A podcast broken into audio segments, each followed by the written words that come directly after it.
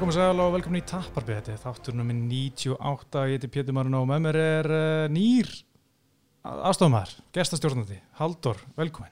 Takk, takk að gott að geta fengið hérna, podcast á Short Notice. Já. Já, það er bara, hérna, þú náður undirbúið mjög mikið á skamum tíma ekki. Ég er, ég er rétt náða að kíkja á Google í svona hálftíma. Já, það er nú. Þetta er bara betra. Já, já. En uh, Bjarki Jómas sem er náttúrulega vanur að vera með mér, hann er fjara góðu gamni í dag en, en uh, vonum að hann kom einhvern tíðan aftur, eða svona fljótt aftur. Uh, það er náttúrulega, eins og ég sagði, þáttur nummer 98. Uh, Öðs 98, mér er alltaf gaman að upp þessi Kurt Egg bardagöld fyrir einhverjum ára síðan. Það var í mæ 2009 og ég man alltaf eftir þessi, er hérna Líó Tomasita og Rasat Evans var meiniventi, þá var The Mashira era að byrja að var tala um, það heldur það allir að hann myndi bara aldrei tapa ég man alltaf eftir þessi því að sko hann átti að vera, veist, hann kom náttúrulega inn að var hann að mistari eitthvað, hann var 16-0 eða eitthvað. Og allir bara já, þetta er maður síta, síta er að hann myndi aldrei tapa og allir og hérna, hann verður bara, bara mistari léttangveit bara í tíu ár. En það fór ekki, ekki þannig að hann alltaf næsti barndað var gegn Sjókun sem hann vann svona með ásum hætti og svo náttúrulega rótaði Sjókun hann hann uh, árið setna eða eitthvað.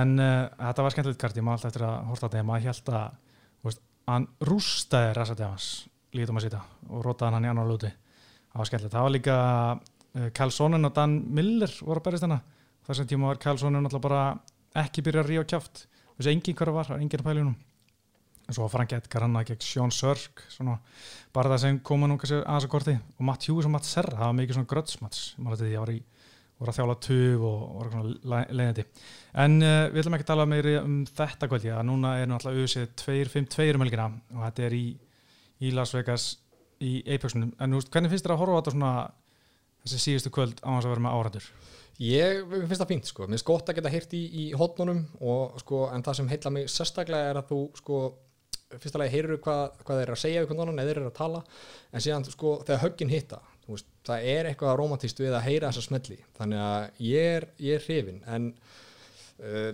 svona sko til lengdar renni þessu ekki sko þegar stærstu stjórnunar segjum, gefum okkur það að Conor myndi stíga aftur í búrið þú veist, þegar hann er að taka walkoutið sitt þú veist, þá viltu heyra í, í krátinu. Og þú veist, þegar eitthvað svona sturlaði hlutir gerast, þá viltu hafa krátið ég er svona, veist, ég, ég, ég fíla þetta en ég nennus ekki endalust ég sammála, þetta er nú búin að vera hvað uh, þrý mánuður að þessu. Ég mitt og þú veist, ég myndi, það er gaman að hlusta höggin, maður heyrir höggin lenda svona, þú veist, sérstaklega í, í þunga eitt eða eitthvað, en maður vill svona aðeins fá smá pepp, sérstaklega að lappa út og svona í hérna, krátið og svona, en þetta er náttúrulega trílögja og Stípi búin að vinna eitt barða DC að Daniel Kormir einn. Og núna er að klá, útklá málun í, í hérna, í þriðasinn og ég fór svona aðeins að hugsa hver er svona bestu trílóginar eru í þessi fyrst var ég að hugsa um sko trílóginar í þungavegt þá náttúrulega Tim Silvia og Andrei Arlovski ekki mikil gæði þar sko. Þetta voru ekkit, ekkit spesbardaðar sko en, en svo náttúrulega kom hún og Santos og Kane Velasquez, það var geggi trílógia Þú verður átt að því, Pétur, að þú ert að tala um hann sem er á nýja já, þannig að sko að ég svona, sko, ég kom inn í sportið sko, auðvitað þegar Gunni byrjaði og síðan auðvitað þegar Conor æði byrjaði. Þannig, þannig hérna, þannig komst ég inn í þetta og er núna svolítið, hérna, ó, er mikill fanboy, sko, ég er svona super casual. Mm. En hérna, sko þú mátt ekki fara ólangt aftur í tíma, sko Nei, ok, ok, ok, þetta er, þetta er 2013 þegar MMA fréttir er að byrja sko. þá er, þá er Dos Santos og Kane að klára sína, sín mál sko. en það var svo spennandi, þetta voru tveir svona stokkala ungir þungatækjar komu upp á sama tíma Mhm. fór hana í titilinn og Dos Santos veit að rota hana í fyrstu lötu bara eftir mínútu hana á, á Fox miljónu að horfa og hérna svo kom Kane náttúrulega náði að hefna hvað svona rúmi ára sinna og rústaði þá Do- Dos Santos bara með úst, Grand Pound og hérna wrestling og því líkri pressu og geraði síðan aftur úst, ára setna og þá var það bara búið sko en, en þú veist Dos Santos var í miklu uppáldi þá sko hjá mér en, en hann er aldrei orðið samur eftir þetta. Kane svona eiginlega bara klára hann. Svo náttúrulega Chuck Liddell og Randy Couture átt, áttu góða trílogi. Og svo náttúrulega Frank Edgar Grey Maynard það er svona besta trílogi en kannski í svona léttari flokkunum. Svo má náttúrulega nefna GSP og Matt Hughes, GSP og BJ Penn GSP náttúrulega mjög góður að hefna fyrir töpu sín uh, öll töpun sín, þess alvöru töpun Matt Hughes og BJ Penn klára bara tvisar náttúrulega svo í Pride uh, Rampage og Vandali, það var mjög góður trílökir, það er enda kláraði klárast trílögin í UFC þannig það er uh, Rampage og Róða Vandali það var mjög brútal, þá var ég að byrja að horfa er komin, en Já. getur þú er, er einhverju sko einhverju, einhverju bardaðar sem að fara í tvo bardaða einhverju bardaðar sem á tvo bardaða en þið sáru vantar sko þriða bardaða Já, sem er 1-1 sko. Já. Það er mjög góð spurning og þetta getur bara verið efni í, í sko föstudags topplista sko. Það er aldrei að vita nema komið til, hérna, komið til skila sko uh, bara núna þessar viku. En já sko mér langaði náttúrulega það veist, það var nokkuð svona rímat sem að langa lengi að sjá Já. og var síðan ekkert spes veist, eins og John Jones og Alexander Gustafsson sem að beigði eftir því heil lengi að að fyrsti bardaðan var svo jafn svo var setni bardaðan bara eila svolítið rúst já John Jones sammála því. En maður var ekkert mikið að spá í einhverju trílógi í það sko. Uh, þú veist, náttúrulega margir sem áttu skila fór rímat sem fengu aldrei, þú veist, eins og GSP og Johnny Hendrix. Já, Og hend- heppilegt. hendur sér átt að fá, að fá hann hann bardaða eftir það, eftir það þá karga þvælu. Já, en því miður þá bara var GSP hætta sem var bara flott, hann var bara aðeins búin að fara yfir hérna. Eða svona, ekki eins góður bara mann alltaf, eftir því sko, ég sé þann bardaða einhverju svona uh, YouTube eða einhverju svona, einhverju þætti sko. Þegar hann var að leggja hanskan á hilluna hann í það skiptið mm. þá búið, þá var krátið ekki ánað með hann sko. Nei. þetta er hann controversial vinn og leta hann aðeins heyra það sko. Já, það var leiðilegt sko, líka Deina raunaði hérna á blaðmarhutinu Já, bara að vera að hætta það, hefði bannað sko.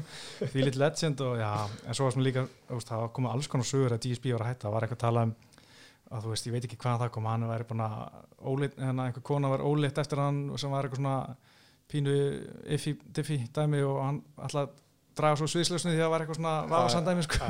Aðeins að- baka Já, en, en það var ekkert og hann ávist tvö börn á DSP ég bara komur óvart, ég aldrei séð þessu börn hjá á honum en einum myndum með neitt hann hefur ekkert verið að flassa þeim í, í fjölmiðlum sko. Nei, það var bara, er bara fínt Já. En núna auðvitað trílökja Stípi og DC þrjú, sko, það sem ég er svona, svona eitt að ávarsta við hennar barða, fyrir auðvitað að þetta er trílökja og báður búin að vinna sikkur barðanum, er þetta verður síðasti barðan hjá Kormir, eða það segir hann. Menna, hann er orðin hvað, 41 41.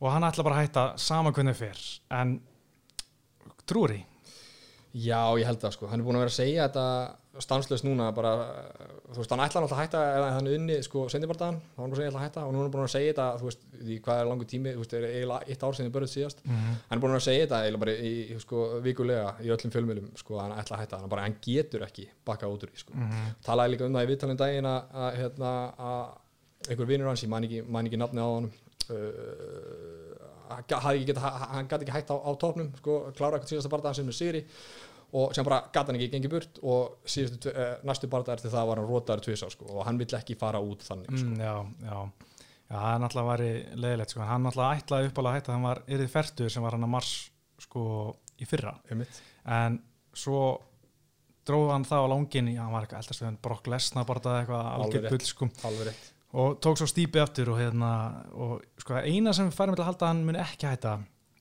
er bara peninga sko ég meina hann elskar peninga og þú veist hver gerir ekki svo sem. Nógulega. og ég smá hrættur um sko segjum að vinni að auðvitað hendi í hann einhvern risa barða við John Jones í þungaægt að það er svona ok veist, að það er bara, ég held að eini barða sem munir svona heillan eitthvað sé John Jones í þungaægt fyrir risa, risa upphæðir sko. Já, ég held að það eru hitt naglan á höfuð þar sko. hvað, hvað, veist, er einhver annar bardaði sem myndi fá hann til að hætta ekki, veist, er eitthvað annan þú veist, við gefum okkur það að Bro- Brock Lesnar sé ekki fara að slást. Mm John, John Jones er einu sem mikið sens Já, já, það er rétt sko. Það er ekkert annað sem úst, er í búið. Ég meina meira þess að Hafi Mendes yfir þjálfur hans segir að þetta þú veist, að það sé eina svona sem hann sjáu fyrir sér að geti breyst sko. Menn hann er alltaf sjálfur búin að tala um það mikið í viðtölum hann er ákveðin að þetta verður hans síðasti barndag og, þú veist, og líka eins og þú veist, hann segir sjálf það er alltaf einhvern næsti gæi þú veist, næsti, ó, hvað þessi gerir og bla bla bla en, en nú er bara fínt að setja hérna, punktin hérna hjá Kormir eftir hennar barndað saman hvernig fyrir og hann vil vera svona eins og GSP hætta sem mestari, ég meina GSP náttúrulega hætti fyrst sem velhjóttumestari eftir hennar Hendrik Sigur svo, sem vorum að tala um. Og svo þegar hann hennar Bisping og var millivættumestari og þannig að tvísvarinn hætt sem meistari og ég meina það, væri, það er flott þegar menn hætta sem meistarar. Þó að sé pínu pyrrandi skilur þú veist þá þarf bara þá er þetta hálf tilkastlega spartaði núna þegar við vitum að Kormir er að hætta þú veist að það þurfi alltaf hvort þeir koma nýr meistari eftir ef Kormir vinnur Já, það, jú, það er rétt að vera, það er virðinga verðt sko. en þú veist, verður maður ekki að gefa stráknum að hann er búin að vera sko, hvað segir maður, hann er búin að vera hérna, company menn eins og eins og maður segir sko fyrir UFC og maður verður að gefa honum að hann er búin að segja það núna í ára hann alltaf að hætta og verður maður að leiða honum að hætta Já, kannski ég bara aðeins of mikill kompanimann vilja. Svona, þegar hérna Jorge Masvidal var að tala um hann vilja fá meira borgað eitthvað svona, þá var Kormir bara náttúrulega í sínum hérna viðtölum bara, þú veist, herði, strákar, hætti þessu, bara haldið kæfti og berjist, sko, þá fáið pening bara, en, en það er ekki alveg svona það sem maður bjóst við að heyra, þú veist, en hann var alltaf mitt vinnur fyrir auðvitað sem lýsandi og, og allt þetta, og sko. allt þetta sko, en gaggrínjar sem hann fekk í kjölfari mér fannst þú alveg eiga rétt á sig sko. Maður var alveg bara rólegur sko, rólegur sko Hann er svo mikið hann fær líka vel borgað fyrir sína bortaða sko. Já, hann gerir það sko. Algjörlega, en ég, það er spurning núna sko, hann er náttúrulega svo mikill fjölskyldumæður og sko það sem ég, ég hlaka til að sjá og ég væri mest til að spurja að ég myndi einhvern veginn fá að hitta hann að taka vitilega hann, hann er svo ógeðislega þú veist, hvernig ætlar hann að fá þessa keppnis þetta keppniskap, svona smá útrás fyrir keppniskapi þú veist, ég hugsa að annarkort sem bara wrestlingþjálfari, hann er náttúrulega held ég ennþá starfandi sem wrestlingþjálfari í einhverju skólana. Já, já, ég eða þó hvort hann fari í svona ótrúlega non-physical sport, bara eins og pílu eða golf eða eitthvað svona, veist, bara að verða einhver bestur þar eða svona, veist, eins góður hann getur orðið á orðin færtugur alltaf. já.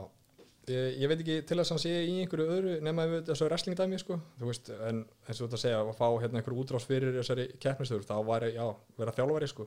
Mm -hmm. en að taka eitthvað prospekt og, og byggja hann upp sko en þú veist veist, við, við, við, maður þekkir náttúrulega ekki persónulega eins og þú segir, maður þarf að spyrja hann sjálfur en þú veist, maður þekkir hann ekki þannig að maður veit ekkert, þú veist, kannski vill hann bara sitja á ströndinni og geta kjúklingavengi og, og telja penningina sína sko Já, við vitum að hann elskar að borða, Já. það er alveg auglust, það sko. en hérna, mér ætla ekki eitt með DC, hann er búin að vera gamall svo lengi, þú veist, hann er náttúrulega 41, Já. Kemur í UFC, hvað, 2014 eða eitthvað svo leiðis, þú veist, þá er hann strax orðin 36 ára gamall, 35-6 eitthvað svo leiðis, og þú veist, þá held maður að þetta er þrjú fína ár, svo er hann búinn.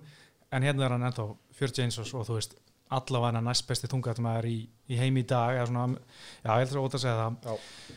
og þú veist hann var svona, veist, þessi meðsli eins og hann sem ár fyrir, fyrir Derek Lewis bara hann nerraði s- sama dag hann átti kepp og festist í bakin, þú veist það er svo mikið svona old man meðsli sko, Já, er hann, er hann ekki búin að fara í aðgjör núna? jú, hann fór í aðgerð eftir það og, það er einmitt eitt það sem hann talar um sko fyrir þennan bara að síðast þannig náttúrulega fyrir stípi var hann að koma í kampi úr aðgerð. Þannig að hann var kannski ekki eins góða forma hann er í dag, segir hann, ég veit það ekki Já. á á- á eftir að koma í ljós. En það er svona gaman að sjá, þú veist hann er búin að vera þessi gamli kall svo lengi en samt ennþá svo góður. Og ég er bara svo oft veist, ég hef svo oft spáð gegn veist, það var þetta alltaf, stípi, ég hef alltaf spáð stípi seri Anthony Johnson spáði honum sigri líka, þú veist, hann myndi bara rótan ég held að, ég held að Gustafsson, nei, ég held að þú veist, ég er alltaf býða til einhver rótan bara róti rótan, þú veist, eins og John Jones gerði þetta, þú veist, að að mér finnst alltaf ég held að hann sé orðan gammal en hann er alltaf að koma mér óvart og, og er aldrei að vita nema hvað, hann- hvað hann gerir núna. Já, kannski, þú veist, maður getur ímyndað sér sko að tala um að hann er komið inn gamall og, og, og maður, eins og þú segir, maður hefði kannski haldið að hann myndi verið í 2-3 ára eða eitthvað, hann hefur einhvern veginn ílengst það er alltaf eitthvað fyrir hann að elta, eins og John Mhm. Jones barðanir, mm Mhm. hann var að elta það og það Já. tekur sín tíma, síðan þú veist, síðan, þú veist fór John Jones út og hann var meistari og þá var hann, þú veist, að verja það og elta það og síðan allt innu núna er hann, þú veist var hann þungaðekta meistari, sko, mm. þannig að er einhvern veginn alltaf eitthvað sem heldur honum, sem er rík heldur þarna, sko en auðvitað, auðvitað er hann að vinna bardaga sko og hann er frábær bardagamaður og, og þess vegna er hann í ílengjast en það er kannski það er eitthvað sem tósar hann alltaf sko. Já, og sem Brock Lesnar bardagin sem, sem varð aldrei sko. Já, sem betur fyrr. En sko, eitt svona áðurum fyrir að fara yfir barðan gegn Stípi Þú heldur að hann hefði átt betri fyrir ef hann hefði bara alltaf verið Þú veist, hann var náttúrulega svolítið ekki að vera í þungætt út af Kane vinnin sinum, hann var náttúrulega en þú veist, maður veldi fyrir sig hvort hann hefði bara verið meira legend ef hann hefði bara verið í þungætt Já, ég held það. Og síðan var eitt þetta, kannski svolítið gali sko, þegar hann var að, að, að, hérna, að glíma olimpíuleikunum, hvað var hann þungu þá? 185 pund? Eða hvað er það? Næ, kannski hann var alltaf töluvert léttar en já. ok, má ég flippa þessar spurningi, veistu það spyrja mig en hefði hann bara passað upp á mataræðið sitt og æft Mm. eins og, og, og, og brjálæðingur og haldið sér í þessum middleweight hérna, þingdaflokki Mm. hefði hann þá verið ósýrandi heldur hann að hefði getið verið getið þar? Já, það er mjög spurning en einhvern veginn sko uh, úst, hann er náttúrulega svo lítill, hann er 1.80 eða eitthvað, þú veist, hann er Mm. engin hæði fyrir þunga þannig að Mm. maður veltir fyrir sér sama með Roy Nelson, þú veist, ef hann hefði tekið matra, hversu góður hefði hann verið?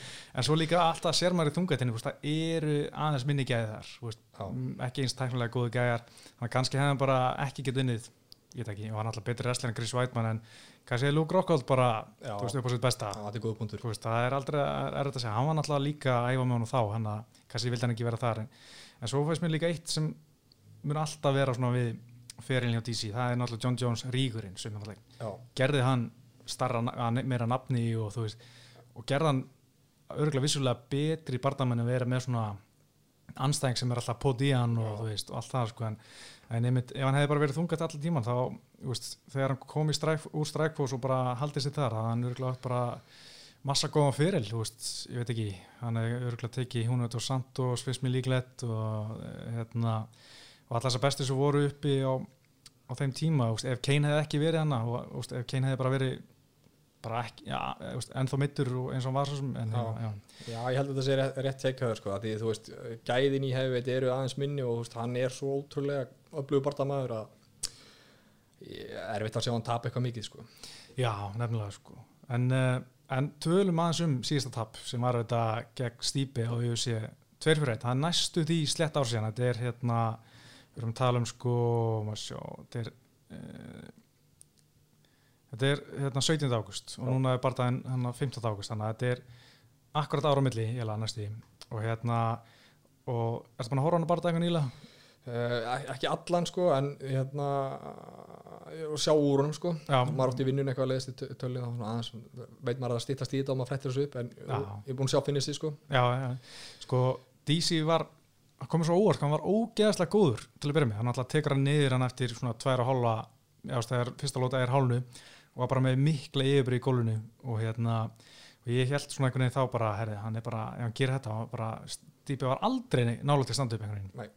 Og með fínt svona ground and pound og hérna og líka bara mjög góð standardi, hann var svona hraður þú veist, hann er með þetta skrýtna stans með hendur svona langt úti, þú veist, einhvern veginn það sem höggin svona fara í hendurna þessi einhvern veginn svona, þú veist, þetta er svona, svona skrítið að horfa á þetta, þú veist, fyrir einhvern sem er enga veginn einhver bóks sérfræðingur, en þú veist samt þannig að maður hefði tekið einhverja bókstíma og það er alltaf sagt bara hendunar nálægt, þú veist, vilt ekki vera með hendunar langt úti, þú gera ekkert gagn, en hann er einmitt að gera eitthvað sem er kent, þú veist, að gera ekki í bara 101, bara svona algjörum byrjendum. En þú veist, þetta er vist einhver svona semi-old school tækni, old school vörd uh, að vera með hendurna svona langt úti og blokka högginn þannig ekki þegar þekki eitthvað vel en, en þetta virkar, ég menn hann fær ekki það mörg högg í, í sig sem við veist alltaf jafn skrítið horfa á þetta. Ja, ég, ég er engin högg. Og e, maður fannst einhvern veginn sko stípi líka er ekki að taka neitt frá DC þarna en maður fannst stípi einhvern veginn vera staður sko, hann var ekkert að, re- hann var ekkert að reyfa sig, alltaf býða eftir að sjá hvað DC myndi gera og, og koma einhver í gegn. Þannig að Já. en ég, er ekkert að, ekkert að taka neitt frá DC sko en, en, en þetta var mjög skrítið og þetta virkaði og Já, ég meina, hann var maður líka úst, svo góður að koma sér í klinsi þú veist, þar sem hann er með þetta dirty box sem var eitt af það sem virka ógslag vel gegn, gegn hinn John Jones þetta sín tíma. Já. og líka það sem eiginlega svona rotaðist dýpi í fyrirbartan, hann svona er í klinsinu og kemur með hann að hægri krók svona yfir uh, í klinsun sem var sem bara Stípi sá aldrei. Og hérna Stípi var einmitt svolítið í þessu barta í, í setni bartanum fyrir ári að bara bakka bara furðu mikið og, og, og DC bara með geggja tempo og geggja pressu. Og hérna og ég horfði á þetta ég bara djúvel hann er bara að fara að vinna hann aftur sko. Þá var náttúrulega tippa ég líka á Stípi þannig að ég, ég held bara einhvern veginn að, þetta- að DC var bara með hann en, þú veist svo gekk, jú, hann gekk aðeins betur hún Stípi í annar lótu en þú veist og hérna, en má líka hérna og náðu einhver felli í þriðalótu sjálfur Stípi, en mér fannst bara einhvern veginn DC bara vera með þetta þú veist, þanga til þetta í fjóralótu en, en áðurum fyrir maður fjóralótunu og, og finnir svona, þá er eitt sem ég veist mjög svona pyrrandi við DC og það er þessi pót í augun, menn hann fekk hérna, Stípi fekk stóran þumall frá DC í annar lótu og maður sá að það hafði mikil ára á hann og, og hérna og líka potaði í Stípi í hérna, fyrirbartanum hann já, 2018 og svo hérna hefur ég man ekki hvort það var Derek Lewis sem hann potaði líka, hann er, hann er með puttana langt úti. Já, og þú veist, DC Vikina sjálfur þetta er bara galli hjá honum, hann er náttúrulega svo ofta eða með stóra boxvellinga, þannig að er ekki þar er ekki eins mikið að hugsa um puttana en þetta er eitthvað sem bara dómarinn og hotni hjá Stípi verða að vera bara þvílitt mikið að kalla út sko.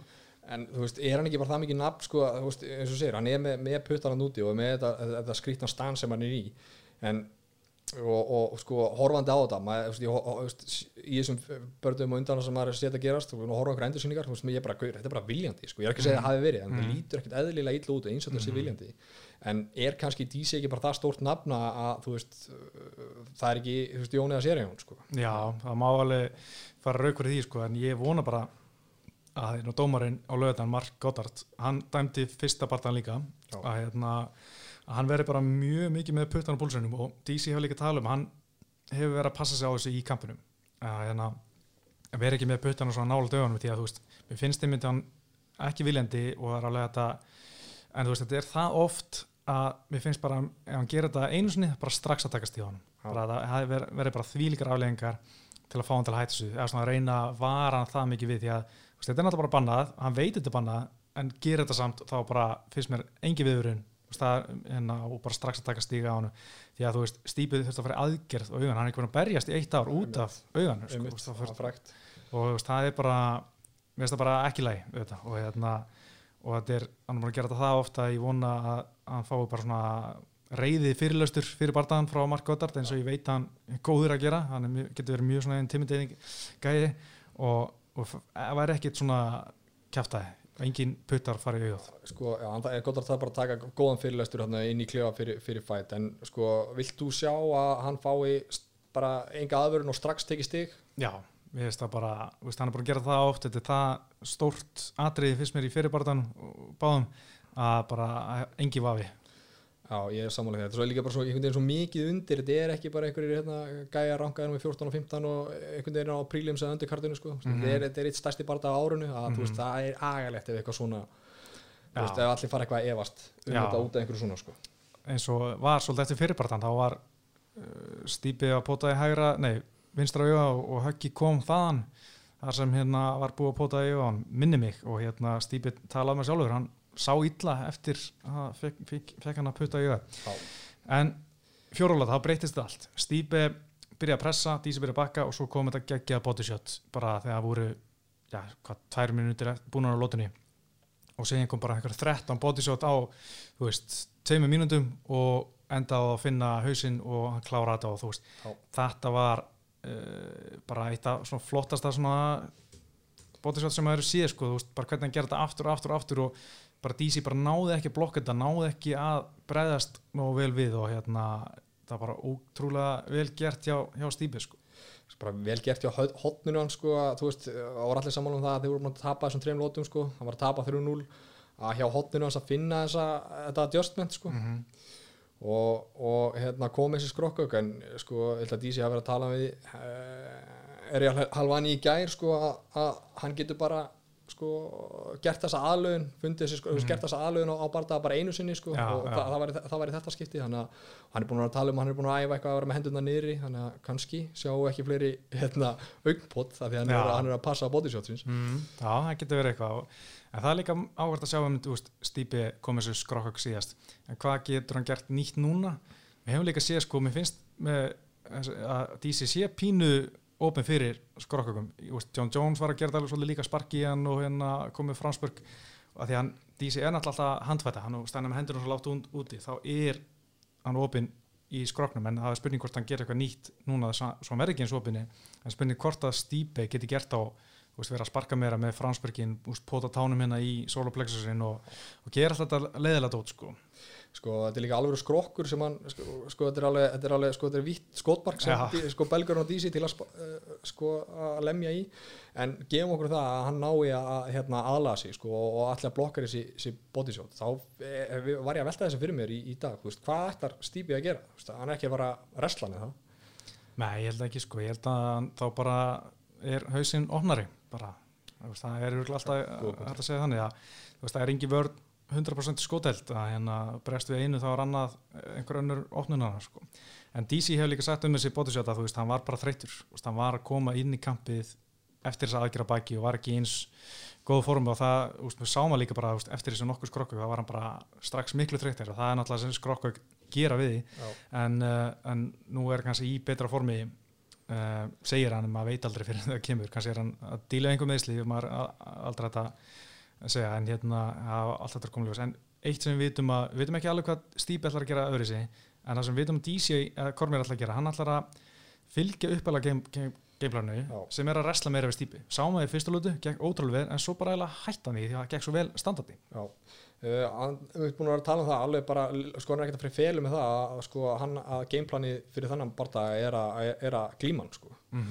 mm -hmm. og hann talaði um það um daginn að síðasta vika hjá honum, eða síðasta vikan fyrir, fyrir Week hafi verið mjög þung og, og hann vildi ekki hafa einhverjar hérna, tómatadósir fyrir fram að sig heldur hann var hann að resla við Kane og, og Corey Anderson mitt og þannig að hann hefur bara verið sko, all in í, í glímunni. Þannig að sko, ég á ekki vonu öðru en að hann ætla bara að standa það sem hann er að fara að segja og ætla, ætla bara reynilega að glíma stípi bara grændan alveg, vilt og galið þá kemur einmitt svona stór faktor í þessu er að, það, að því að þetta er í Apexnum þá er búri minna. Og DC er mjög ánæður að búri sér minna en Stípi hefur svona sagan segir allan að hann sé búin að reyna að fá husi til að hafa taka stærra búri sko. og hérna það gæti gert sko auðaldra fyrir DC að resla þegar bara flöturinn er minni, minna pláss og hérna hann er alltaf ógeðslega góður resla upp í búrið. Halda mann um það, kleinsa og nó- nota dörtibóksingi upp í búrið þannig að ég held að þú veist á meðan Stípi þarf kannski aðeins meira pláss til að gera sem hann vil gera Já, Þannig ég held að það getur verið pínu svona breyta að hérna, búrið er aðeins minna sko. Já, hann eftir að loka, fjarlæðinu miklu betur með, með sko, minni flöt Mhm. uh, sko, stípi að geta bakkað já, já, mikið, en getur þú sagt mér sem skilur ekki, þú veist, nú er í Apexinu og þar er ok þar er uh, þetta minna búr af hverju fjandanum, var ekki bara sett stærra búr? Af hverju er þetta, hverju er þetta minni búr einhvern veginn í umræðinu og af hverju er þetta faktor? Sko, menn segja, þú veist, það er bara tölfræðins er þannig, það er meira fleiri finnis í minna búri. Okay. og það hérna, þó að Deina segja ekkert segja, þú veist, trúi ekki og segja þetta sé bara óþvara pælingar þá held ég bara plássið í þú veist, eins og auðvitað fer oft með minna búr í svona minni hallir það sem er bara minna flatarmál þú veist, fyrir árundur og, og allt sem þarf að vera á gólfinu. Þannig að þeir eru svona veist, eru, eru farin að nota minna búri mjög sjaldan. Þeir eru alltaf í það stórum höllum hver sem er fara. En hafa verið með þetta minna búr náttúrulega svolítið mikið núna í þessu COVID-dæmi. En núna er veist, ég held bara Apexin bara bjóð ekki upp á stærra búr. Veist, það hlýtur að vera ástæðan en svo getur líka vera bara því að það er meira fleiri finnis í minna búri þá er það bara að reyna fá skemmtilegri barða sko. Já, ég er ekkert, hata þetta ekkert sko Nei, ekki er- heldur, sko. ég er alveg til í einhvern fjölbreytileika sko þú veist, fínt að fá þetta inn í umræðuna sko Mhm. Já, þessi fætt er í, í minna búri, það er eitthvað til að tala um og Mhm. einhvern veginn þessi er í starra búri og það er bara svona, eh, gefur þessu einhvern veginn svona tónn í tilvöruna sko mm -hmm. bara, Það er eitt barða sem ég var til að fá í stærri búri það er Pálo Costa og Adesanya sko. já, Því ég þúl ekki Pálo Costa það er bara það, ég vil bara Adesanya vinni og það hendur honum með að þetta er stærra búri sko. ok það, sá fætt er að fara að vera í, í, í Apexinu? Já, já, það verður í, í oktober sko. það verða nefasamlokur þar Já, ég er mjög spenntur sko.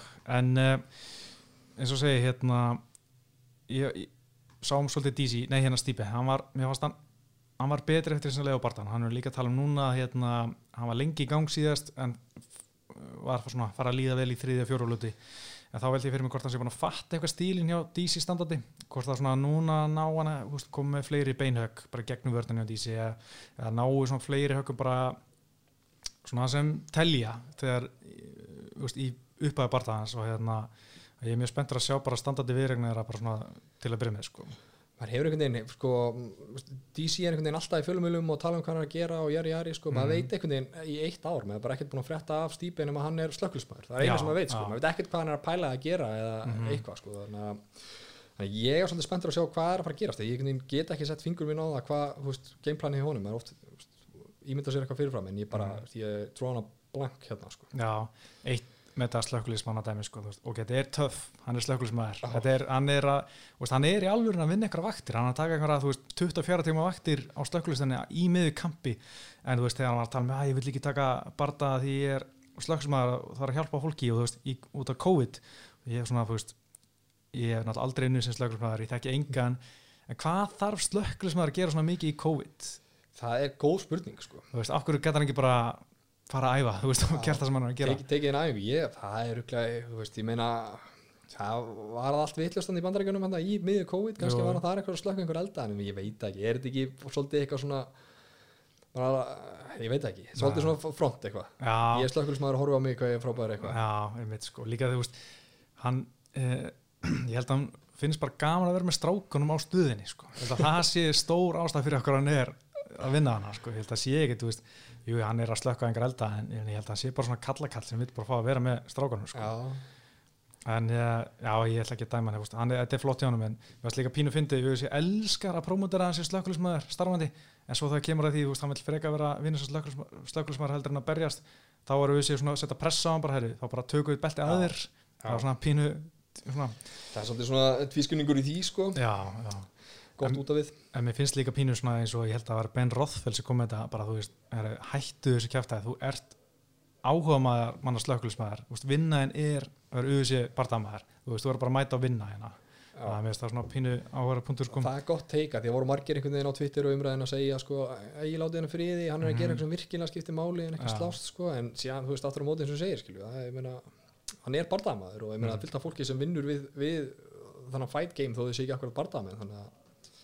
það er kannski punktu líka, sko. já, en uh, veit, ég er mjög sko, ég hef alltaf sett stípið fyrir þessa barnda, en sko núna er ég pínu að detta á DC í vagnin fyrir þennan barnda að því að sko út af eins og vorum að tala um wrestlingi ég er smá hrættur um að stípi bara ekki eftir að ná að stöðva wrestlingi nógu vel e, yfir hérna barndan og mér fannst bara DC vera trullu flottur þú veist, fyrstu tvæ lótunar hérna gegn stípi síðast og náttúrulega í fyrsta barndanum þannig að ef DC getur verið léttar á tónum wrestlaðan svolítið og hérna bara unni lótunum svona hægt að róla unni fjóra, uh, þrjá fjóra lótur og bara tekið hann á decision þá mér finnst það bara alls ekki óleiklegt en, en sko og ég, það er alveg svo mitt gött sko en, en ég mér langar að ég hef alltaf satt stípi ég ætla bara að halda mig við því stípi mér finnst úst, náttúrulega DC er árun eldri.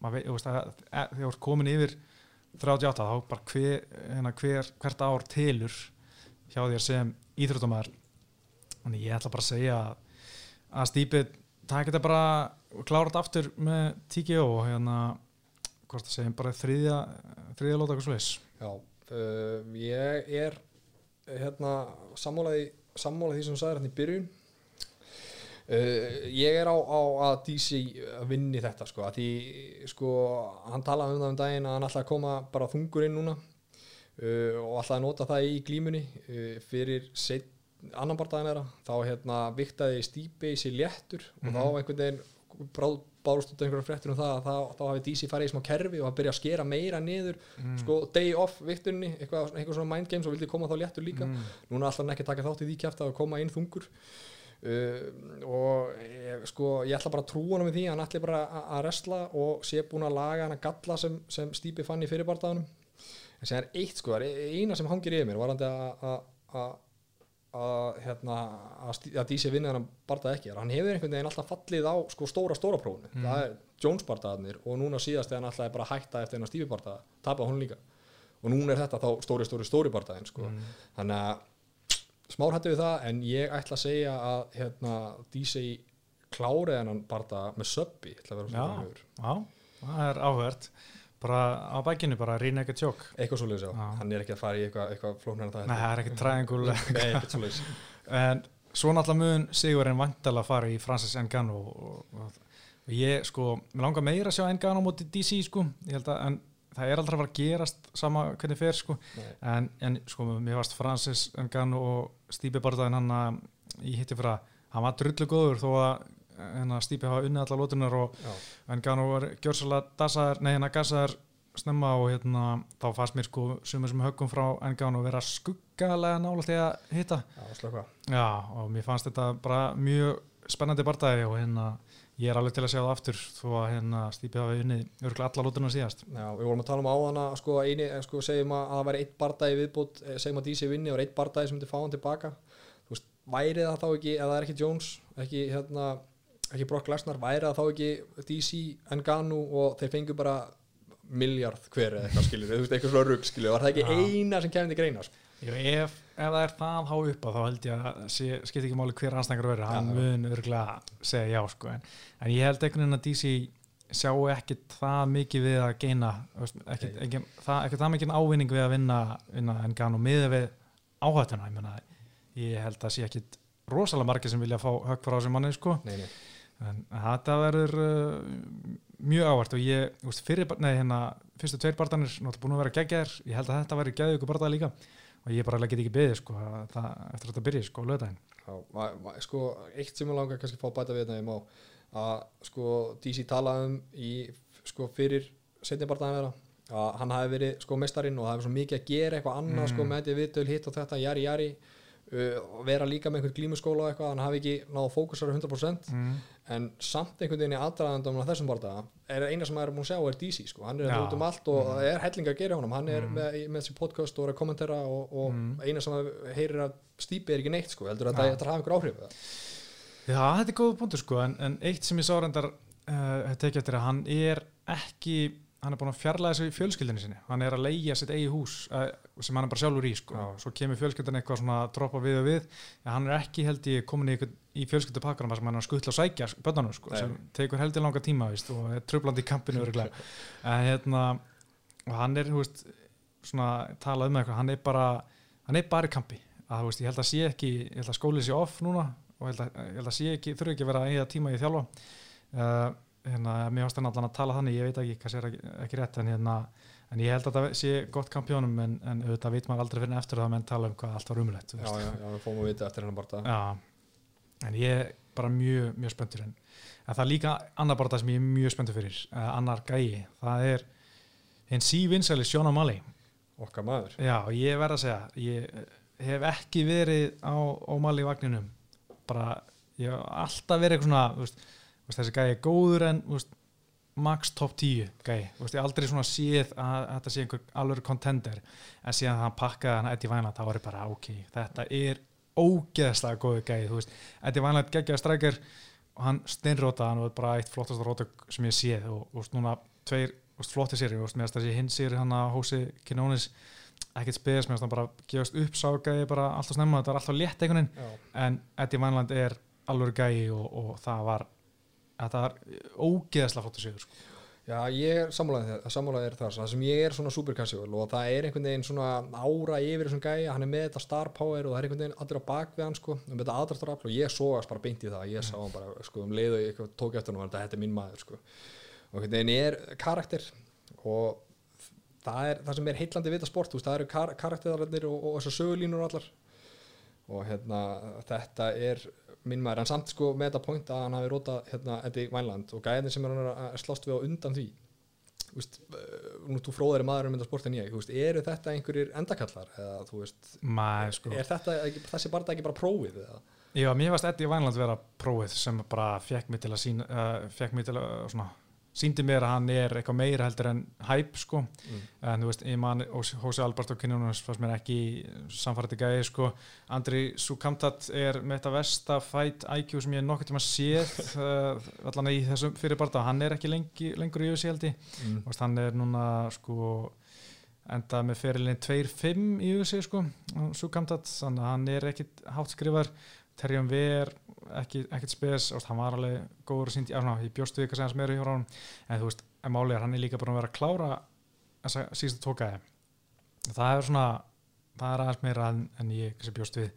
Og hérna, því, að- sérstaklega því að hann á að vera grappler skilju, þú veist, það er á að vera bestur skilju, en Já. núna er hann að taka þetta standardi og hérna, bara búin að líta mjög vel út þar. Og það hefur svona veist, ég er alveg komin á vagnin sko og hérna, ég ætla bara að vera mjög spenntur fyrir honum og þó að sé veist, ekki að ég sé, veist, ég er ekki mikill aðdándi típunar sko, mér er alveg gaman að hann sko en ég er ekki svona hann er ekki, ekki minn maður eins og Robert eða eitthvað, þú veist, hann er ekki alveg nummer eitt sko, þó ég er alveg gaman að hann en hérna, en ég hérna held að þetta sé mitt svona hæpið er í alvegni og Já. ég er bara mjög spenntur að sjá hvað hann gerir gegn Marlo Vera en það eru svona gæjar sko fyrir okkur kasjólana sem sko setja svolítið sviðsljósið, sviðsljósið á þetta sport og ég held að það sé bara jákvæmt sko um, að hérna þú veist að einmitt, eins og ég segi sko þessi karakterar að þú veist hrí- hrífur kannski einhvern sem myndi alla jafni ekki taka eftir þessu eða by- byrja ekki að verða aðdándi sko þetta eru Mhm. gæjarnir sem tósa þá inn eins og, eins og Conor, ég er ekki að byrja það sama en já. þú, þú skilur hvað er að fara með þetta Mhm. Einmitt, það er alltaf gaman að maður sér svona gæði að koma upp og ég hérna þú veist, er svona kannski pínu langt síðan maður sá okkur svona mjög áhugaverðan koma upp, jú náttúrulega Engano var með áhugaverð sögu og, og hérna alltaf gaman að sjá stóra menn sem róta veist, það er alltaf svona alltaf gaman, svona ákveðin mæli hverju þegar einhver svona casual sem veist, maður veit að fylgist ekkert það mikið með spyrjum hann, hei hvað er að hérna frétta þessu gæði, þá veit maður að hann er að ná inn hjá hinum svona sem er ekki að horfa hvert einasta kvöld sko. En þannig að ég er gaman að sé komin á þennan stað sko því að hann er, hann spennandi sko síðan líka þetta hérna, Supreme dæmi sem hann er með þetta, þessi, þessi fatalína sko, Mm. mm. seldist bara upp einhvern veginn Mm, og, já. og, og einhvern veginn svona dýrustu treyðunar á með einhverju köruboltatreyjur og hann tók frá númer 00 og 69 og alltaf hafa einhvern sér díl á því og það fóra einhverju sko, þúsundir dólara sko, Já. og, og það bara seldist upp strax sko. ja, hann er með stóran fanbase, hann er líka duglegur að hérna, stríma töluleiki og hérna tala við aðdandu þar skemmtilegt sko hann er líka af þeim sem við tala um hann saknar þess að hafa krátið í, hérna, veist, eins og pældi í viðbrinn sem við komum þegar hann rotaði þetta í veist, það hefur verið klika sko. já, en á móti kemur var klika að sjá þetta í bara grafar þögg sko. Það líka sko. það var svolítið bila sko. Það slæri alveg þögn heim í stofu líka sko, einhvern veginn í, í, í, í takti við það sko. það það var svolítið þannig sko. En, en það má ekki gleyma anstæðinu, það er Marlon Vera. Já. hann er 5-1 í síðustu barndöfum sko. Eina tapi var gegn Song Yadong eh, hérna, sem er mjög góður fætir en, en það var pínu undilt sko. Einhverju vilja meina að vera að unni, ég var svona aðeins að horfa þetta á hann og mér finnst þetta bara að vera ógeðslega jæmt þú veist, aldrei eitthvað ekkert rán en, en vera að tala um að þú veist, UFC líta það sem sigur og þess vegna sé hann að fá þú veist, starri barda. En hérna vera er líka sko, þetta gæði sem ég alltaf alltaf ánæður þegar ég sé hann vinna. Því að ég man alltaf að hann var lengi vel sko á hliðlinni og það maður ekki bærast í, ja, næstu tvö ára eitthvað meðslum og, og svona. Svo dóttir hans mjög lasin og var með eitthvað svona taugagalla sem var mjög selgjar hérna, taugagalli og, og hann þurfti að vera með svona GoFundMe account til þess að fá hérna til að geta fengið aðgerna en hérna en það gekk vel og núna er hann alltaf bara duglegur að berjast, hann bara síðast í mæ og þú veist, og er búin að að taka tvo bara ári síðan þá og vinna. Hann er búin að fá bónusa og, og allt þetta sko hérna, sem, hann er ánæður hann sé að fá borga sko, því að þetta er gæði sem á að skilju, hann er líka náttúrulega kemur frá Ecuador og hann er smá stjarnan þar veist, hann er með díl við Coca-Cola í Ecuador og eitthvað þannig sko. Já, já, ok, en hérna segðu mér aðeins rekordið hans í, sko, er þetta rétt hjá mér, er það 8-3 í, í UFC eða? já, hann, neða, ég held að sé með fjögutöp allan í USA sko. Já, ok, er allan, fimmtöp, þetta er alveg hann, hann er svona að byrja pínu illa. Ok, Þú veist, það var tap, sigur, tap svo þrýr sigrar, tvö töp í röð svo tók hann fimm sigrar í röð og tapaði síðast. En hérna náttúrulega kom svona aðeins í sviðslösinu með þessum fimm sigurum í röð. Og eins og þegar hann vann hérna Brad Pickett þá svona tók ég fyrst eftir hann húnna já, en það er bara, sko, veist, ok, hann er með þessi töp, sko, en all, allir sigræðin hans, þau eru með stoppi, sko, hann stoppar Mhm. alla. Og þegar hann tapar, þá er það í, í, í dómara, hérna, mm uh, úrskurði, þannig að þú veist, það er alveg mikið spunni hann að gæja og ég langaði að spyrja það, af hverju er þessi gæja ekki rankaður? hann, já, það er mjög góð spurning. Ég held að hann hefði nú verið þar hvort það var ekki nummer 14 svona, þá ára hann tapaði sko. Já, ok, hérna var svona var komin í en hérna datt út eftir tapi gegn Song Yadong og Song Yadong kom í staðin og hann er núna nummer 13 eða eitthvað og Sjónar Mali nummer 14 Já. þannig að það er svona ja, eins og ef Marlon verið að segja veist, að hann hafi unnið bara þá hefði hann áruglega áfram verið nummer 13 hann eins og Song Yadong en það skiptir ekki öllu en, hérna, en þetta er einmitt svona hörkugæð og hann er líka með hörkulið með sig. Hann er með hérna að, hvað heitir þjálfarinn sem talar eins og Jesse Pinkman? Gæði, hann var alltaf með Michael Bisping og Cyborg alveg stólur með hvað hann heitir. En hérna, Jason Parillo held ég. Hérna, hann er veist, mjög góður þjálfur og það er veist, hann er ekki með beint eitthvað svona gim sem þú veist, ég og þú getum endað í takkangar tíma, hann er bara með stóra fætara sem kom til hans og hann er bara með þá svona í einhverja Já. engakessli Lokaðir. Já, og hérna sem í loka gim og hérna er bara með eitthvað risaspons sem er hérna RFFCA held ég sem sponsor þetta allt, heldur þessu við Ok.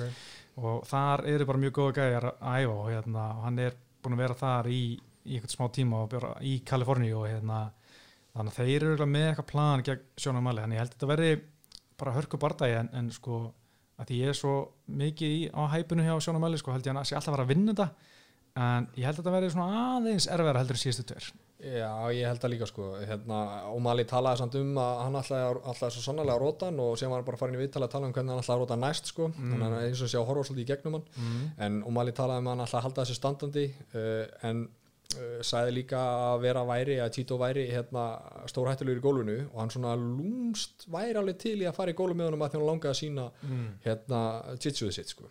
Já, það var gaman sko en líka sjón á, nei hérna vera er svo góður varnalega Eh, ekki þegar ég skoða einhverja tölfara, mér finnst hann alltaf vera svo sólít varnalega, fær aldrei eitthvað það stór sig að sem er að valda hann hérna einhverjum vandræðum, hann að það getur líka verið svona pínu erfitt fyrir Ómali að róta hann þannig sko Já. en þetta er hörkubarta en ég held að Ómali takit eftir dómarákunum sko, ég held að það veri bara, hann Já, ég segi hann rótan í fyrstu lótu. Já. sko, ég verð að vera þar, ég verð að styðja minn mann. Já, það verður þrjú rót ekki fyrstu ég ætla að trúa hæpinu sko. Já, ég fíla það. það væri bara gaman sko. Ég meina það er ekkit meira sem maður vill sjá heldur en uh, flott rótök um hérna miðja nótt þegar maður að vaka eftir þessu. Já, mér finnst að eitt, eitt við þetta er að það sem ég finnst sko, grót hart hjá Ómæli er að taka þennan fæt, sko, svona stór hættulegan gæja sem er, þú veist kannski ekki mikið nafn þannig úti, sko. Að, þú veist, hann, sko, að því hann er Ómæli með, allas, að- með þetta hæpi kringu sig og alltaf mm aðdæðandur baku sig að, að veist, hann gæti heimtað að fá eitthvað nafn, skilju, einhvern sem er hátrangaður í topp 5 eða eitthvað, þú veist, hann gæti gert það, sko og gæti tekist hjá honum, en ég ánaði með hann hann bara valdi þannig ykkur, bara ég ætla hérna að sína sér relevant með að taka þannig gæja, sko. Hann er líka aktiv, veist, það er, það er alltaf gaman. Hann barist í mars, svo hvað var að mæ Já, og hérna uh, núna í águst, það var í júni mér svo, tók létt skota á konur þegar konur kom hérna hjá uh, Ariel Halvani og sagðist þetta this is the beginning of my season Mm. sko. hann sagði hvað er það? Season, Ja. þetta er alveg season sem þið erum að sjá hérna sko, við varst að nett. Það er rétt, góð bútur uh, Já, við erum báður sammála um að Sjón og Malevin en uh, næsti barða Húnut og Santos og Jarsin og Rosenstrúk Já. Það er bara hvor heiti fyrst, finnst mér sko. Að reynda fyrst mér Rosenstrúk verður með aðeins betra tjinn svona á pappirum. Hann er alltaf komið tilbaka eftir uh, fyrst, fyrsta tapið sitt á ferlinum gegn, uh, sem var alltaf rótök gegn Francis Ngannou á 20 sekundum Já, það var ekki gott að skiptast á höggum við hann sko. Nei. ekki góð ákvörðun en úst, hann er búin að vera solid en úst, má svolítið ekki glíma hann var að tapa fyrir Voru fjóru sekundur eftir hann að 15 lútu Já. þú veist þannig ég er svona ég er ekkit alveg sko fullu hæpinu í honum. En hérna hún er þetta Santos úst, orðin 36, búin að tapa tveisar, tveisar röð. En það var náttúrulega Curtis Blades og uh, Francis Ngannou þannig að þetta er svona mest mjög, mest pínu er þetta að spá í þennan partí, það er náttúrulega fyrstulega þungaveitt, það er, þú veist, getur allt gerst sko. getur, getur allt gerst þarna sko, gerist undir bara eitthvað sko, en ég sko menna Rósenströgg, nú er ég sko vill meina að ég fylgist alveg ágætlega með, þú veist, hvaðan kom þessi gæi sko? Einmitt, sko, ég, sko, mér finnst að vera ákveð svona mystík yfir honum að hann er ég, veist, ég veit ekki hvað hann æfir, ég veit ekki hvað hann býr en hann gæti allan einhvern veginn komið sér til hérna uh, bandrækina í mæ til að berast þar á hérna 249 Já. uh, en ég held að hann sé búin að vera svolítið að æfa í hérna já, Amerikan Top Team. Ég einhvern tíðan síðan þar. Og þar var líka Erdo Santos. Þannig að ég er bara ekki alveg með á hreinu. Hann náttúrulega kemur frá sko Suriname sem ég hef bara aldrei heyrt um áður er- en þessi gæði kom sko. Uh, eina, eina, sem ég veit um henni gæði er þetta þetta er einhver kickboxer og sem klára þú veist, 74 barda í, í kickboxi þar sem hann kláraði eitthvað 60 eða 70 með róttöki sko. mm -hmm. sem hann alltaf bara mættur einhvern veginn bara í top 5 í, í, í hefuveit í hérna, UFC sko. Einmitt, þetta er búið að vera mjög skrítið, hann kemur hana í 2019 og bara ja, nýli ársins tók hana fjóra barða þar uh, og kláraði alla með rótöki og svo bara fór hann í Engano sem var aðeins svo stórt fyrir hann en núna er spurning hvort hann sé já svona top 10 gæði eða ekki en Tó Santos Orðarsson hálfgerður gatekeeper hana um, já, ég hérna sko, það sem ég fætt áhugavert við hennar óverim barda var að sko, einhvern veginn seglan og reynslan í óverim sko, það var bara eins og Rosastrygg væri bara einhvern veginn að elta ég veit ekki, plassbóki í vind einhvern veginn, lítið nánu, þá hann hitti þarna, smelt hitt hann mm -hmm. þannig að það verður svo áhugavert að sjá hvort að, að, að hérna, Dos Santos ná að nota hérna, reynslubankan í að gera bara einhvern veginn það sama. Já, já, algjörlega. Þetta er, er þetta, ég einhvern veginn ég sko hef alltaf verið pínu Dó Santos maður en uh, já, hann er náttúrulega búinn að vera sko að klára Derek Lewis, úst, það er bara mars í fyrra, mm. klára Tæði Tuvasa, vinnur Blago Ivanov þetta er allt fínir sigrar sko en það er bara spurning hvort að Rosenstrúk sé Derek Lewis, Tuvasa Gæi eða Engano Curtis Blades já. Æ, ég veit ekki, ég ætla bara að segja Dos Santos ég er bara, bara hjarta segir uh, hérna Dos Santos bara eftir dómarákunum, bara svona klassist svona uh, reynslu munur Já, þú veist, uh, þú sagði hérna upp af að, þú veist hver hittir á undan sko, sen, veist, var ég að velta fyrir mér eftir, eftir hérna Engano bordan hjá Rosenstrug sko, Mhm. þú veist, hvað tók það mikið frá honum sko, mm. hann Mhm. var, sko, hann punktrótaðist standandi og síðan fekk hann alveg 2-3 góð líkjandi og Mhm. Hvað eru, þrýr mánuðir sem þessi bardaði var, hann er svolítið fljótur að koma tilbaka, maður veit ekki Mhm. alveg, þú veist, er hann all there eða, Já, þetta er snemt þetta er mjög snemt sko. Algjörlega góða punktur.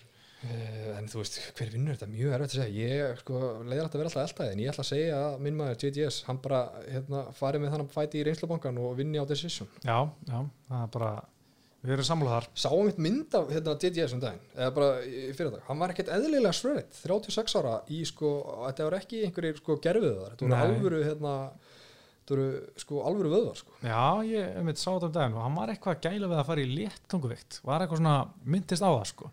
En ég veit ekki hvernig það mun, mun vera sko. Það væri svolítið þannig að þetta er stór strákur hann er næstu tveir myndar á hæð og hann, hann, hann lítur vel út. Já, en talandi um að taka skada sko, JGS hefur tekið þokkalega skada hefur fyrir sko.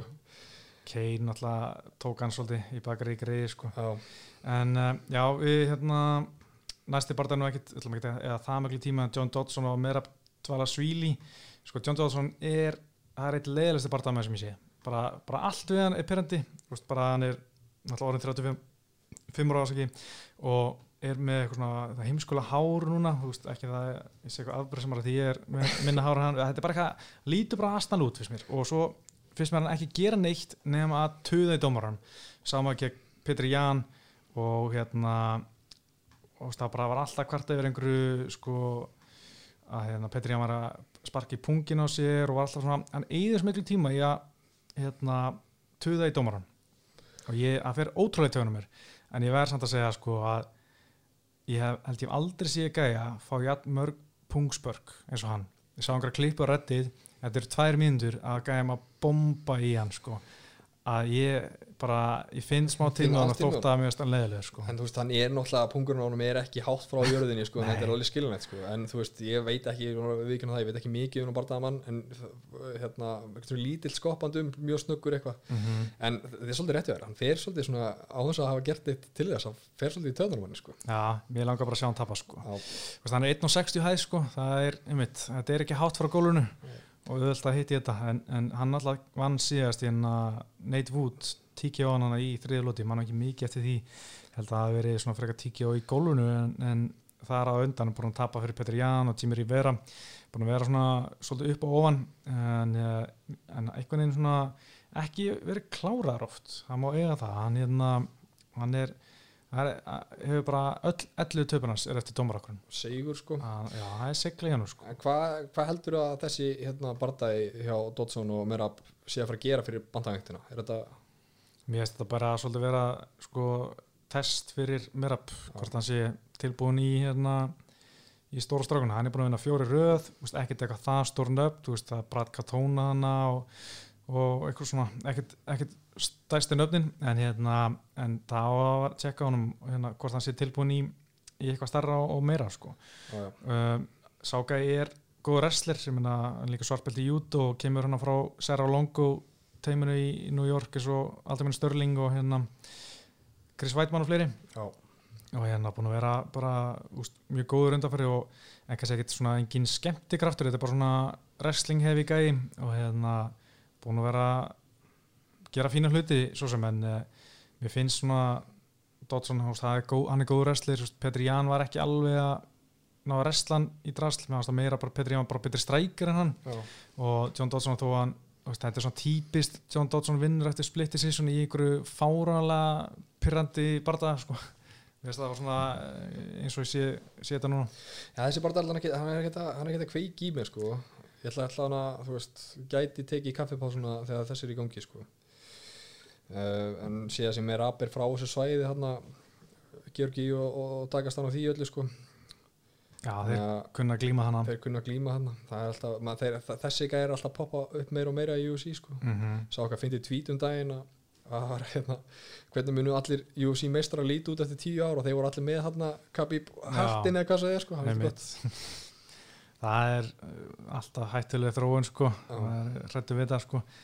En uh, já, við sjáum bara til. Ég sko dvala síli búin að vera í USA í nokkrar og 29 ára gammal, hann er bara hann á að vera að toppa núna, þannig að ég svona verið áhvert að sjá hvernig hann kemur til leik sína, en uh, ég held að Dodson bara einhvern veginn komi að vinna á einhverju búlsitt dómar okkur ég ætla að segja mér upp. Já, fyrst að það er eitthvað að vera að tjekka á hann og hann sé svona meira upp en komin en hinn sko, mm Mhm. Dodson er í gatekeeper sko, þá ætla ég að hafa trú á á mínu manni frá Georgíu sko. Já. Uh, Svo er næsti rímats, skríti rímats uh, náttúrulega, hérna Jón Kutalaba og hérna, Magomed Angalev í léttanguvikt og meina, þessi bara það fóru þetta fram bara í rétt fyrir COVID, hann í uh, februar með áhundur þá var, fyrir það sem ekki muna hann klárast að 38 sekundum en það gerist ótrúlega margt á þessu 38 sekundum.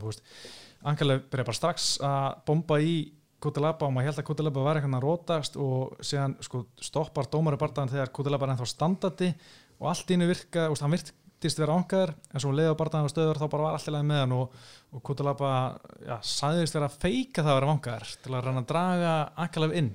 Já, sko, ég held í trúunum aðeins sko. Ég man, eftir þessu barða líka sko að það, hérna, besta vegna barða var að dómarinn var, það veist, var komið eitt takedown og dómarinn var búin að stíga inn í áður en sko barðaðin byrjaði sko, því Kutilaba einhvern veginn var eitthvað, þegar var að kynna hann inn lappaði einhvern veginn í grillið á honum og þeir fóru einhvern veginn saman, fóru allt á nálægt sko, eitthvað þvílíkur sirkus. Að þetta er Kutalaba eitt svo leiðilegst í UFC finnst mér. Bara svona, mér langar svona finnst hann óþólandi típa. Er já, sorry, halda ára Já, ef þið, ég var ekkert með eitthvað meira teikja Nei. ég er sammálað þér, ég myndi ekki bjóða hann að horfa, horfa á boltan sko, en sko það, þetta samt gefur þessum fæt svolítið svona, þú veist, ég hefði ekkert munað eftir þessu, þessum fæt hefði ekki verið fyrir þess, þennan sirkus sko, Mhm. þess vegna er ég svolítið svona, að gaman að sjá hvað gerist sko, Já, nefnilega, þetta er svona mér langar að sjá að hvað gerist því að þetta er auðvitað tveir stóru strákar sem eru fara að sveifla og það er smá svona bad blood á milli, sérstaklega eftir hvernig fyrirbartan endaði. En sko, mér finnst bara einhvern veginn eins og Angeleif var bara allan tíma að fara á rótan það var bara svona, bara tíma spursmál sko, Mm. og ég er bara að hlaka til að sjá Angeleif klára þetta, því að svo Kutilaba geti bara drulla sig sko. Já, en ég meina Kutilaba, þú veist ég veit ekki, þú veist mér fannst hann vera vangar, en þú veist kannski var hann að ígeta aðeins, að því hann var að lita bombur fannst mér, en þetta er bara svo hræðileg hugmynd að þykist þar vangar, sko, þetta er alltaf glórlega sko, en Já. sko, ef við erum að tala um það að hérna, sko, eftir fyrstu höggin sem að lendi, sko, Agalangaf sem að lendi þá byrjaði þetta dæmi, sko og það voru engar þvílíka bombur, sko, Mm. bomburna komu setna, þannig að ég ætla að trúa honum aðeins að hann hafi, þetta hafi verið eitthvað partur á gameplaninu, en þú veist, eins og segir, það er ekkit eðlilega heimskulegt, sko, bara, þú veist, hérna, slást eins og maður, sko. Já, einmitt, þetta er, er hræðileg hugmynd.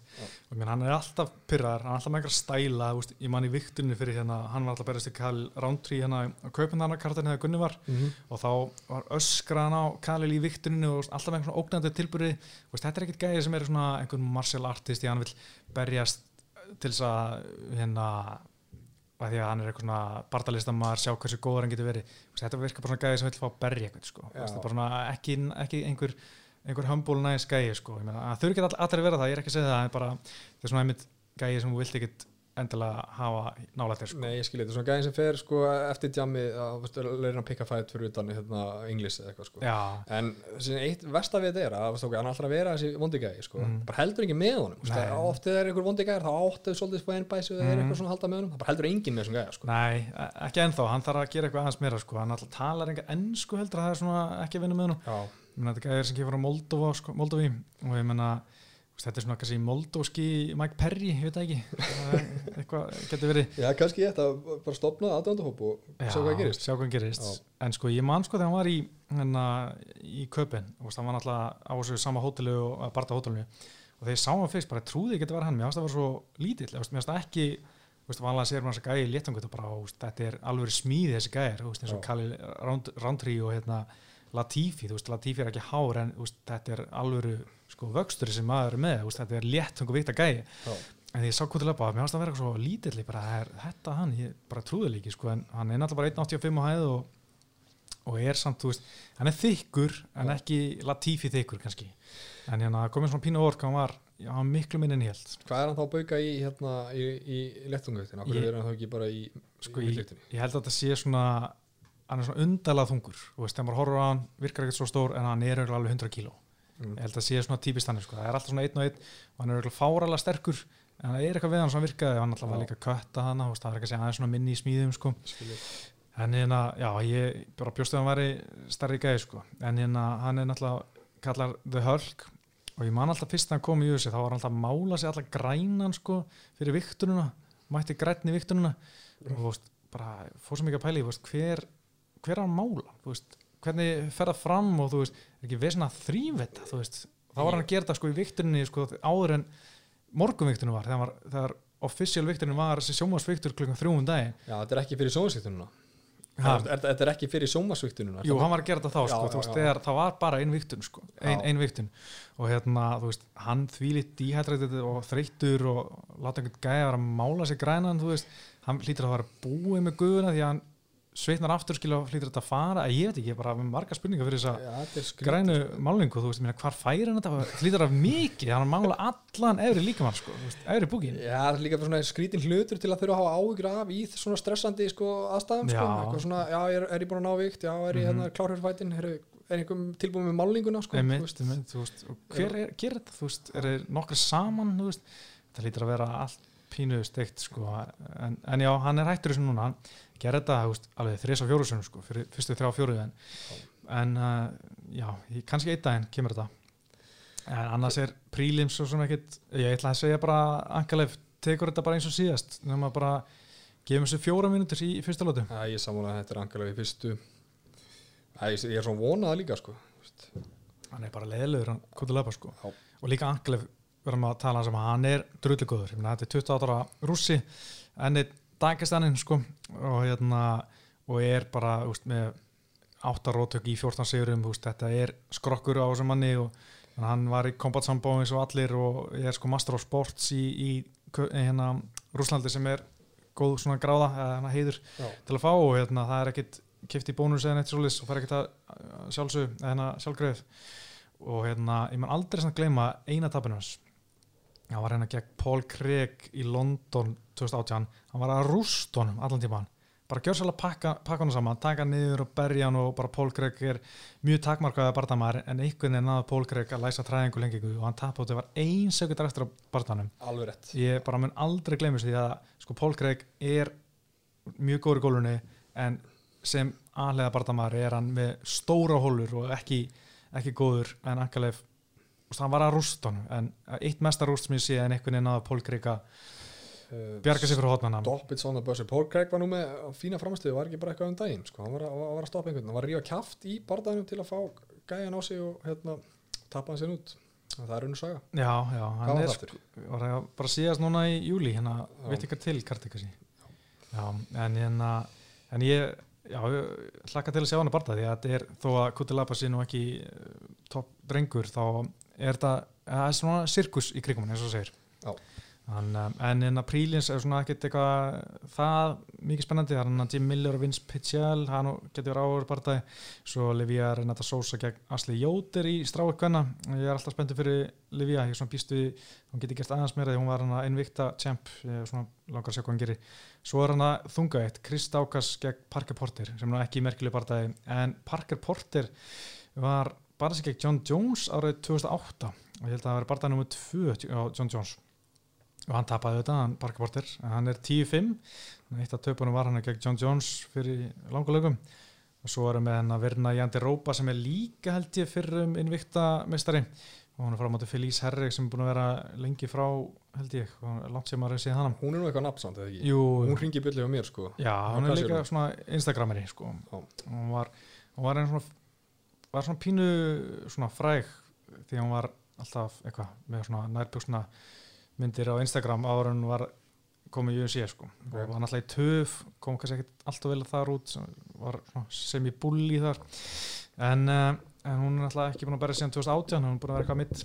Uh, þetta ég slíti crossbæt eitthvað. Svo er hann að yngri bróðar Gilbert Burns Herbert Burns á móti Daniel Pinata í barða nr. 2 á kvöldinu. Ég hlakka til að sjá það. Ég, mér veist Herbert að Burns bræðinu er drulligur í gólunu þetta og hérna ég held að það veri flóti barðaði það er eitthvað einmitt að því að bróður hans er mistari sko, að þú veist, þá eru svona gæðin eins og ég sko, sem eru, hei, gaman að sjá, að sjá þetta en bróður hans hérna Gilbert þú veist.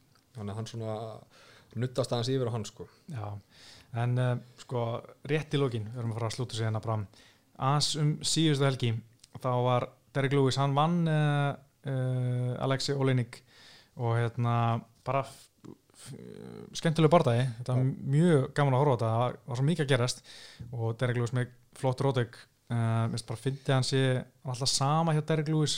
Hann er alltaf á leiðinu að fara að leta sig alltaf á leiðinu að fara að æfa meira og kérta meira serious en æfa almennilega og bla bla en það gerist ekkert neitt, eða þú veist allan að hann segist alltaf að fara að breyta einhverju en ég er alltaf gaman að hann sko. Uh, já og með að sko rétt sem þú segir sko en ég hef búin að segja þetta eftir hvernig einst að segja bara eitthvað hérna, uh, hérna ég, ég ætla að fara í kardjóið og segja það hann aftur núna ég ætla að koma og nefndi mér svona ákveðna, ákveðna tölu. En maðurinn er ekkert eðla mikil íþróttamæður þetta var, sko, þetta var rosalegt sko. mm -hmm, það er að taka sér fljúandi nýja 120 kíló gæi með hennar sprengikraft sko. ég hef gaman hann. þannig að þetta er svona svolítið svona hvað, veist, ef hann stendur við það mm. og kemur sér í stand, veist, hvað gerist sko, maður er svolítið að sjá það sko. Mitt, sko, og ég meina hann var líka aðeins að glíma við Olenik sko, hann meina náða niður og var bara hérna glíma við Olenik sem ég ást að ræðilega hugmynd fyrst í sáta sko, en hann náða alveg að lífa af þetta hérna skarfult tvissar, en hann sagðist að það veri alveg að það hefur verið mjög þétt.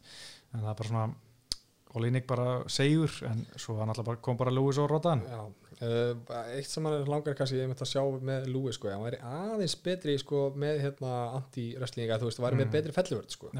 sem að Ben Askren mitt hérna, tweetaði eða, eða sagði ofnbörlega að hann væri til í að taka hann hérna í, í, nokkra tíma sko. já, væri, ef hann myndi taka því, sko, það væri gaman að sjá mm, Já, klálega en svo var mér eiginlega áhæðast í bardagi kvöldsins var Chris Weidmann gegn Ómari Akmendov og fyrir það sem ekki muna þá var Ómari Akmendov í veltevitin eins og mætti þar Gunna og Gunni pakka hann saman hann í fyrstu lóti en Vætmann sko að, þetta var Sigur, flott fyrir Vætmann frá Sigur en hann leiti ekkit sérstaklega vel út fannst mér sko. Það var einhvern veginn engin hrað í honum og engin ákveð og, og síðan þú veist ok, hann, sko ég, ég fyrir hann að barða, ég held ég þetta væri eitthvað svona fóður fyrir hérna anstæðingin að fá Vætmann sem eitthvað nafn og, og skjóta sér áfram. En ok, það var ekki, Vætmann vann og hvað næst, þú veist, hvað er næst fyrir Vætmann er hann að fara að hendi eitthvað annar rönn ég sé það ekki, sé sko. ekki sko, en hann segist vera back og allt það en ég menna staðrendin er bara svo, hann er 36 ára gammal og lítur út frá að vera ekki er langt frá að vera sami íþróttumar hann var þegar hann var mistari og þú veist, hann var mistari 2015 veist, bara tími líður og hann er bara langt frá að vera sami þú veist, maður sé samt alveg viljin er eða þú veist, hann var að berjast verðan á teiktarinn í þriðlóti sem raunin skila hann um sigurinnum, hann var bara miklu betri í gólunni þegar í gólunni þá komið en bara einhvern veginn skrokkurinn er ekki veist, alveg hana. Eftir, eftir, sko, eftir bardaðan og þú veist, það var ekki búið líðalega einu og hálf, tvær mínútur og hann er komin í viðtali eitthvað og hann gæti alltaf að tala sko. það var bara, sko, hann langaði að sitja hendur á nýjum, sko, hann var búinn á því. En eitt sem hann má eiga, sko, ok, gameplanaðis virkaði, en hann fekk alveg 1, 2, 3 högg mm. í höguna, sko og hún held, sko, ég held að myndi slokna á hann um leið, sko.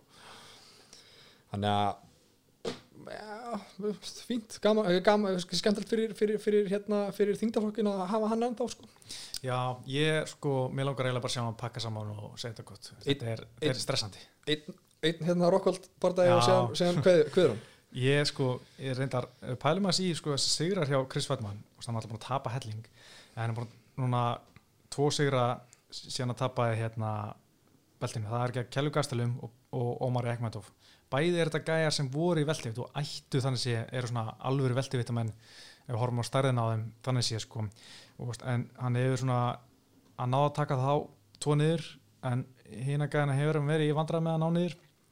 Spurning hvort hann sé bara svona veist, að nota svolítið svona vinna svolítið bara því hann er starri sko. Og að vera starri wrestler og hérna ná einhvern veginn að yfirböða á þannig. Að því þú veist, meðast þessi endri í eftir wrestlinginu með að vara að fara í þessi singuleik Úf, sko það bara ekkert sett upp hann bara var að vaða í þetta og grípa singuleiki alltaf sama endrið alltaf farið sama singuleiki sko. Og hérna svona tegja sig og bara vona besta mér fannst það óþægild að horfa það miðað hvað þessi gæi hvað hann var, þú veist að hann var bestur sko. Já og líka þess að segja sko að hann hefur verið að nota það að vera starri sko, það duða svo skamt sko endanum mm bara lendur við, ekkert á endanum, hann er búin lendi og lendur bara vegg og þú er bara, bara pakka saman sko. Já þess vegna held ég að ef myndum mætast aftur Rokkóld og hann, þá held ég að Rokkóld sem er stór millægtamæður hann verði bara ómikið fyrir Vætmann árið 2020 sann sko. Rokkvöld var nú að tala bara, bara um daginn í gæra mm -hmm. fyrir þetta sko hann er ekki hættur Já. og nefndi mitt Chris Weidmann og hann er gaman að taka eitt dansi viðbútt sko. Já, það er, það er eitthvað.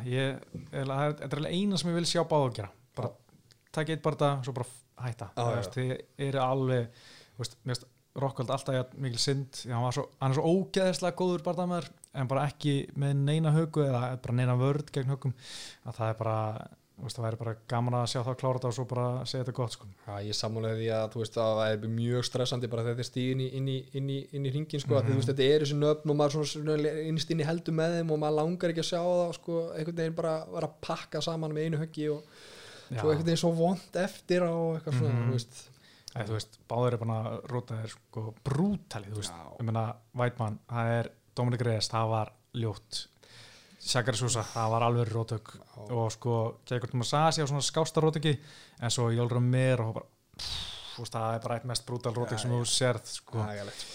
og þú veist, og Luke Rockhold hana fyrir barðan, barðan hana í desember 2015, það var voru sko hana fjóra myndur allt og langt beatdown sem hann varð fyrir greiði kallin sko. En uh, það er bara eins og það er Hvað var að síðast, hérna, Rokkvöld var síðast, hvað var ekki móti hérna Blackwood? Jú, það var Já. mjög slæmt ótök líka sko. hálka brotnaði greið sko, það er að drekka mati sín í gennum rör sko, þetta er allt, þetta er ekki nú gott sko, þeir eiga bara, jú eins og segir, þeir eiga bara að fara að pakka saman strákunum, sko. og þar á endan var Romero Rodriguez það var, var líka ríkalett og svo þessi keimfyrslega árendi sem hann var fyrir hann eftir á frá Romero þegar Romero var að hugga hann eitthvað. Og Michael Bisping Rodriki líka það, var, það er eitt af mínu uppáhalds Rodrikum en, en það er samt slæmt fyrir svona Rokkveld, maður vorkir hann pínu en samt er það svo mikil svona dús, að maður svona eiginlega vorkir hann ekki það mikið. En já, en herri, við ætlum að fara að setja gott uh, konur yfir klukkutíman hérna. Uh, ætlar að horfa á þetta í beinni?